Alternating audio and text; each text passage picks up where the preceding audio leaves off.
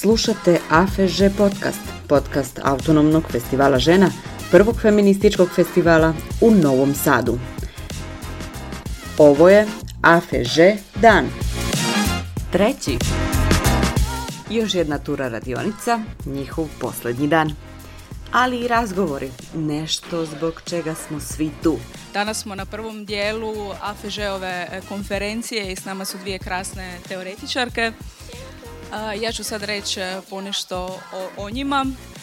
Nađa Bobičić, književna kritičarka i socijalistička feministkinja, Maja Solar, koja je doktorirala filozofiju, a pored društvene teorije i aktivizma najviše je interesuje književnost. Na govornom programu Radna žena 24.7 Maja Solar iz Novog Sada na temu feminizam. Da, ali koji? Uvod u teoriju socijalne reprodukcije. I Nađa Bobičić iz Beograda pričala je o istinama i mitovima AFŽ-a. Ne o AFŽ-u na kom smo danas, nego o antifašističkom frontu žena. Kaže Nađa da su mitovi o AFŽ-u skroz okej. Okay i nije problem da mi pravimo mitove od te vrste ženske borbe, ali možda osim tog mita ili osim nekakve dekontekstualizovane priče o grupi žena koje su se borile u drugom svjetskom ratu, možemo i da je pokušamo da situiramo tu organizaciju, ogromnu organizaciju koja je nastala u tog drugog svjetskog rata. Ona je u tom zatvoru, znači jedna građanska cura i tako dalje, odlučuje da ode i da se doslovce završi sa seksualnim radnicama, što je ekstremni tabu za ono vrijeme da se združi s njima, da posle oni njoj daju i podršku i da se viđu i na ulici, da se jave i tako dalje. I kao potpuno izašla iz nekako svoje zone komfora i ušla je u neki potpuno je bila ilegalna. Osim toga, e, neka samo to, nego kad je izašla na kraju, onda se dodatno suočavala sa tim rodnim, rodnom stigmom unutar sobstvenih radova, jer doslovce je bilo dovoljno da drug samo kaže da neka žena pristala na šta god i to bi bilo to. Znači, njen, njen e, ugled je bio urušen. E, a ovo je pričala za Veru Crvenčanin Kulenović, prvu filmsku rediteljku u Jugoslaviji, samo što je ovo bio period pre rata. Jako dobra priča, a poslušajte je u izdanju podcasta AFŽ razgovara. I još jedna stvar, kako je došlo do AFŽ-a, onog prvog? Jeste činjenica da su pokušali ti komunisti od 27. godine, od kad je Tito u Zagrebu tu odluku je donio on uh, uz podršku drugih, uh, drugoj drugarica da uključe žene više. Ona je počela komunistička partija da se baš dosljedno bavi time da uključuje žene, ali je to bilo mnogo izazova da se one zaista postanu tu ravnopravne i nisu odustale, bile su vrlo odlučne. Lijana Berber je vodila još jedne razgovore na bazaru na temu održiva moda, imamo li alternativu?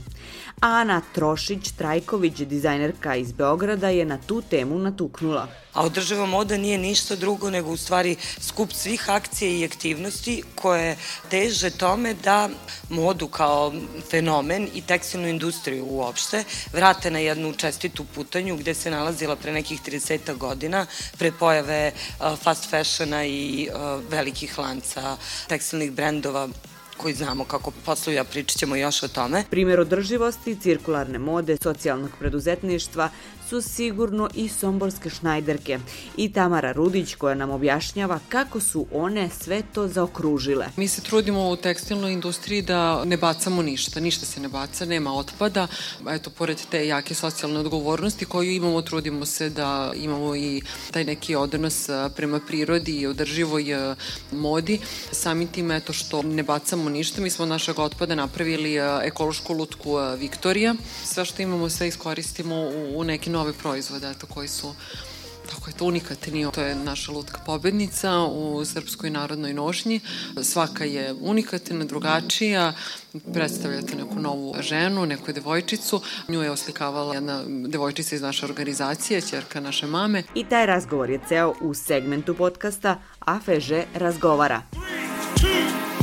Još jedan performans i društvena igra za kraj dana, i to od umetnice iz Finske, Biljane Stanković. Migracija kraljice Lenke, Srbija u Finsku. A, pa da krenemo. A, vi na ekranu vidite jednu osobu koja je, koja je zapravo grofica Lilijana Koli. A, ja ću nju spomenuti uh, nakon što ispričam zapravo kako je uh, Lenka došla u moj život.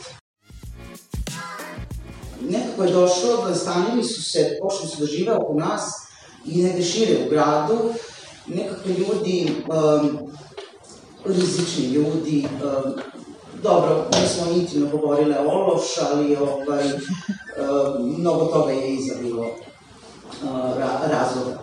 I oni su postali ljudi na betonu i u su postali beton ljudi. I eto ga, dan treći.